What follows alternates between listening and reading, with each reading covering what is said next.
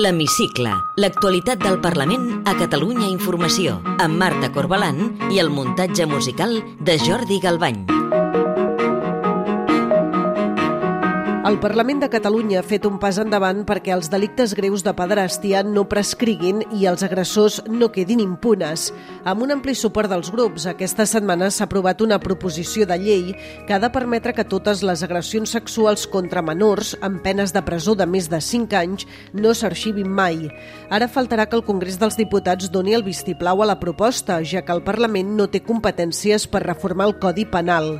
Per parlar de tot plegat, avui entrevistem la presidenta de la Comissió Parlamentària que investiga la pederàstia a l'Església, la diputada d'en Comú Podem, Susana Segovia. Benvinguts a l'Hemicicle. Jo vaig patir abusos eh, quan tenia 10 anys per part del capellà del meu poble en unes colònies parroquials que s'organitzaven a l'estiu. Vaig patir una amnèsia dissociativa, que es diu, i fins eh, als 40 anys no vaig recordar tot l'episodi i es tractava d'una agressió sexual. Llavors, bueno, està demostrat per nombrosos estudis que les víctimes eh, acostumem a, a denunciar tard, perquè és quan ho tenim paït, quan ja hem decidit fer el pas, eh, i, és molt injust no?, que en aquell moment topem amb, amb la prescripció. Amb la legislació actual, la majoria de les agressions infantils prescriuen quan la víctima té entre 40 i 45 anys, que és justament quan comença a tenir la fortalesa psicològica per denunciar-ho. És el cas de l'Ester Pujol. La seva denúncia va arribar massa tard perquè el delicte ja havia prescrit i el seu agressor va quedar impuna. La proposició de llei que s'ha aprovat al Parlament no servirà per a l'Ester perquè no té caràcter retroactiu, però per a ella és un gran avenç tenim la sensació de moment històric, no? El fet que haguem estat lluitant tant de temps ja no és per nosaltres a nivell personal, sinó pels, pels nens del, del futur. I això ens omple de, de satisfacció. El seu testimoni és un dels pocs casos de noies que s'atreveixen a fer el pas de denunciar les agressions. Es calcula que només un 15% del total de víctimes comptabilitzades a l'Església són noies. Vaig ser abusat sexualment quan tenia 16 anys pel germà Andreu Soler, el monjo responsable del grup d'escauts catòlics de l'abadia de Montserrat. Quan vaig revelar els fets de l'abadia, la seva resposta va ser encobrir el delicte i protegir el meu agressor. Vaig poder denunciar públicament els fets el 2019, Miguel Hurtado va trigar 20 anys a poder denunciar els abusos sexuals de què va ser víctima després de moltes sessions de teràpia. Està convençut que el Congrés aprovarà la llei del Parlament, però s'ha compromès a anar molt més enllà perquè no prescrigui cap delicte, tampoc els considerats menys greus. Nosaltres intentarem elevar el nivell d'ambició de la llei a Madrid encara més, perquè l'evidència científica demostra que un delicte aparentment menys greu pot tenir unes conseqüències molt traumàtiques per a víctimes especialment vulnerables. Jo vaig patir els abusos um, quan tenia 8 anys, l'any 75-76 del segle passat, i va ser a la Salle, a una escola de la Salle, la Salle, la Salle Premià, i, i no ho vaig denunciar, no ho vam denunciar perquè jo tenia 8 anys, 7 anys, i, i era un nen, i els pares tampoc ho van fer perquè era una altra època, era molt complicat denunciar. I perquè ho van denunciar a l'escola, això sí, però l'escola els hi va demanar que callessin és l'escriptor barceloní Alejandro Palomas. A principis del 2022 va denunciar públicament que un sacerdot el va violar i va abusar d'ell diverses vegades al Col·legi La Salle de Premià de Mar. Palomas celebra que el Parlament hagi aprovat aquesta iniciativa, però creu que queda molta feina a fer perquè els abusos a l'Església seguiran existint en el futur. Per mi és un super pas endavant, és un pas important, sobretot perquè mm, impideix que això quedi com una, com una pràctica normalitzada. I no és un delicte menor, és un delicte molt greu. Els abusos a l'Església són una cosa del passat i són una cosa del present i malauradament seran una cosa del futur. És molt difícil canviar una actitud i una dinàmica eh, que ha estat tan, tan, tan present i ha funcionat tan bé amb un, amb un engranatge tan perfecte durant tants segles. Eh, costarà, costarà molt. Té la paraula. Soc la Susana Segovia, portaveu adjunta d'en Comú Podem. Benvinguda a l'hemicicle. Aquesta setmana el Parlament ha fet un pas endavant perquè els delictes greus de pederàstia no prescriguin i els agressors no quedin impunes. Vostè, com a presidenta de la Comissió d'Investigació de la Pederàstia aquí al Parlament, com ho valora?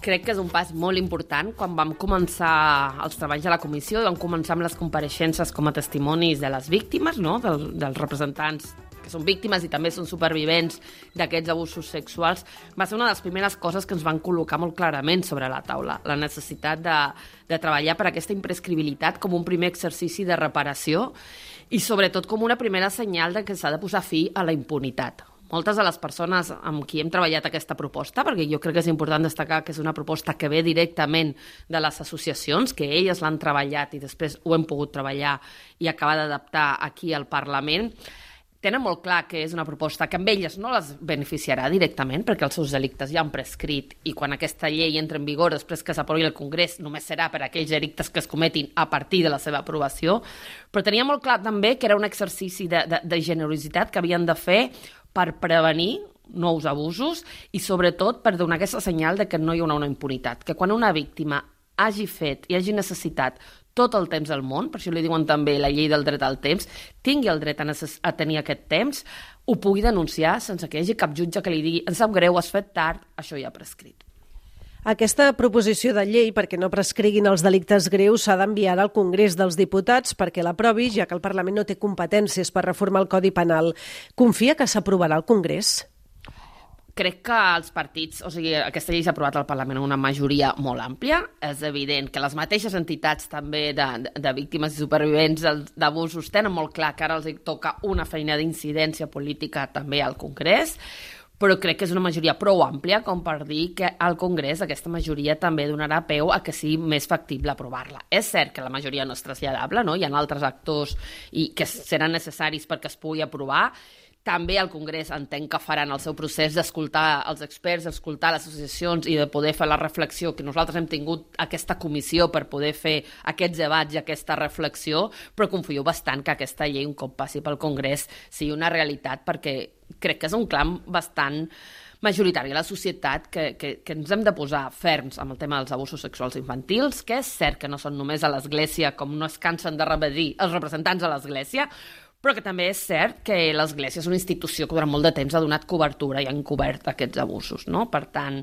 crec que cal una resposta ferma, cal acabar amb aquesta percepció que té moltes víctimes de que les administracions i la classe política no els fa cas, no els escolta, que no es fa res, i crec que per això aquesta llei és un pas important. La Comissió d'Investigació de la Pederàstia ha d'acabar els seus treballs aproximadament cap a l'estiu. Què espera que s'aprovi a les conclusions d'aquesta comissió? Crec que, com dic, la llei que s'ha aprovat aquesta setmana, de fet, és una primera conclusió que hem volgut avançar, com que teníem molt clar que això seria un dels temes que sortirien, no ens, volgum, no ens hem volgut esperar a acabar tots els treballs, però haurem estat més d'un any llarg, haurem escoltat a més de 60, d'una seixantena d'experts i de testimonis que ens han dit moltes indicacions molt clares de com cal treballar per reduir aquests abusos, per, per, per acabar amb els abusos sexuals a la infància, però també perquè quan es produeixin hi hagi un procés de reparació i d'acompanyament a les víctimes que sigui digne i, com dèiem, que s'acabi amb aquesta impunitat. Llavors, des de com recursar, de, dedicar més recursos a l'educació sexafectiva, és una part fonamental, com ensenyar nens i nenes a dir no, com acompanyar quan hi ha aquests abusos des d'una visió integral i no revictimitzadora, com és necessari donar suport i fer aquest reconeixement de víctimes uh, que porti a darrere aquest acompanyament en suport psicològic, en suport jurídic, en suport econòmic, en tot aquell suport que necessiti aquella persona per sortir de la situació d'abusos que ha viscut i poder encarar la seva vida. Però crec que una demanda que està sortint també molt clarament és la necessitat que tenen moltes d'aquestes víctimes de que hi hagi un un perdó, una petició de perdó per part de la institució eclesiàstica, però també per part de les administracions que durant molt de temps no han fet suficient. I crec que és una de les coses que van sortint en les diferents intervencions que estem tenint. Canviem de tema. Aquests dies estem molt pendents dels pressupostos, de la negociació dels pressupostos de la Generalitat. El seu grup en Comú Podem, juntament amb el PSC, són claus perquè el govern els pugui aprovar. El complex recreatiu del Hard Rock pot fer saltar pels aires els pressupostos, en el sentit que vostès no el volen i el PSC sí. Crec que el complex del Hard Rock és, és parlar de model de país i de model de futur Eh, estem en un moment de sequera màxima, estem en un moment d'emergència climàtica màxima. Aquesta setmana hem tingut al Parlament un debat monogràfic específic on s'han debatut i votat tota una sèrie de propostes de resolució encaminades a fer front a aquesta emergència climàtica. I sembla bastant de calaix que dintre d'aquest debat no hi entra un complex que pot arribar a gastar 8 milions de litres d'aigua al dia crec que és bastant evident que no hi entra, més enllà de si hi ha situació ara mateix de sequera o no a la zona en concret on es farà el Hard Rock. Crec que no té massa sentit parlar d'uns pressupostos que aposten per, per la salut mental, no? per la defensa de la salut mental, i estàs fomentant un centre que el que fomentarà és la ludopatia, que és una de les malalties i una de les addiccions que provoca molts problemes de salut mental a moltes persones.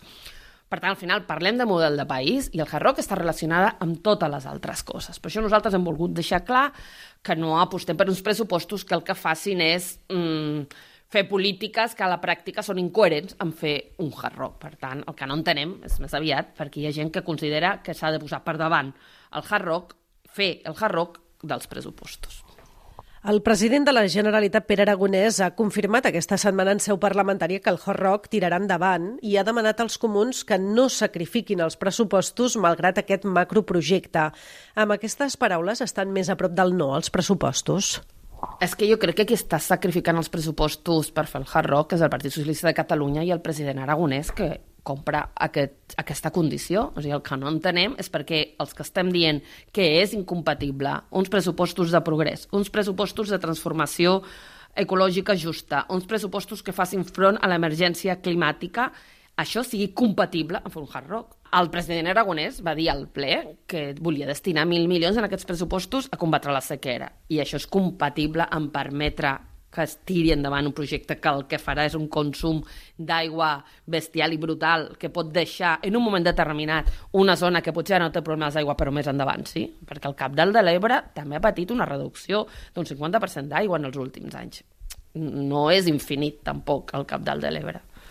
I en cas que el govern congelés els tràmits administratius del Hard Rock pel context precisament de sequera, però sense renunciar definitivament al macroprojecte, això eh, podria desencallar la negociació, podria ser una pista d'aterratge? A nosaltres fins ara el govern no ens ha fet arribar absolutament cap proposta. Cada vegada que hem posat sobre la taula el tema, l'únic que se'ns ha dit és que el Hard Rock s'ha de fer. Per tant, són ells els que realment han de confrontar la contradicció interna que els suposa ells mateixos, no? Vull dir, la consellera Capella deia també fa unes setmanes que no li entra al cap com algú pot demanar fer el hard rock com a condició pels pressupostos. Crec que és un tema de model que ha de resoldre Esquerra Republicana, nosaltres el tenim molt clar i no crec que sigui la manera de dir fem un pas endavant, ho deixem per més endavant i en parlarem, salvem aquests pressupostos. El problema el seguiràs tenint i tens un problema de model. A banda del rebuig del hard rock, eh, quines altres línies vermelles han posat sobre la taula els comuns? És a dir, què han d'incloure tant sí com no als pressupostos del 2024? Per exemple, habitatge serà un tema fonamental. Habitatge, fa molt de temps que estem amb unes polítiques que no destinen els recursos necessaris, que no acaba traduint-se els pressupostos en una aposta clara per augmentar el parc públic d'habitatge, com no sigui amb petites inversions que sí, que es van fent però que no són suficients i que no són contundents i després hem posat sobre la taula amb molta urgència una regulació efectiva dels lloguers de temporada dintre del marc del que es pot fer a Catalunya. La consellera Capella diu que hi està d'acord, que ho estan treballant, doncs nosaltres el que volem és treballar-ho i tenir-ho tancat i acordat abans de l'aprovació dels pressupostos. Si li sembla bé, ens endinsem ara ja en el terreny més personal i li demano si pot contestar amb respostes tan breus com sigui possible. Què fa per desconnectar de la política? Normalment llegir i intentar escapar-me algun cap de setmana sola a un lloc en platja. Recorda què volia ser de petita? Primer volia ser monja, estava en una escola religiosa i després volia ser astronauta, volia ser la primera astronauta espanyola dona. Amb quin diputat o diputada que no sigui del seu grup compartiria una sobretaula distesa? Amb la gent Díaz, de fet ja ho fem. Té algun paisatge favorit? El mar, sí, la Costa Brava. Què la fa somriure? La meva filla i les converses amb els amics. I ja per acabar, completi la frase següent. El que més m'agradaria del món és... Ara mateix que acabi el genocidi a Palestina. Susana Segovia, portaveu adjunta del grup parlamentari d'en Comú Podem. Gràcies per atendre'ns a l'hemicicle de Catalunya Informació. Gràcies a vosaltres. Podeu tornar a escoltar l'hemicicle al web catradio.cat barra hemicicle o al podcast del programa i seguir l'actualitat del Parlament al perfil de Twitter arroba L-hemicicle.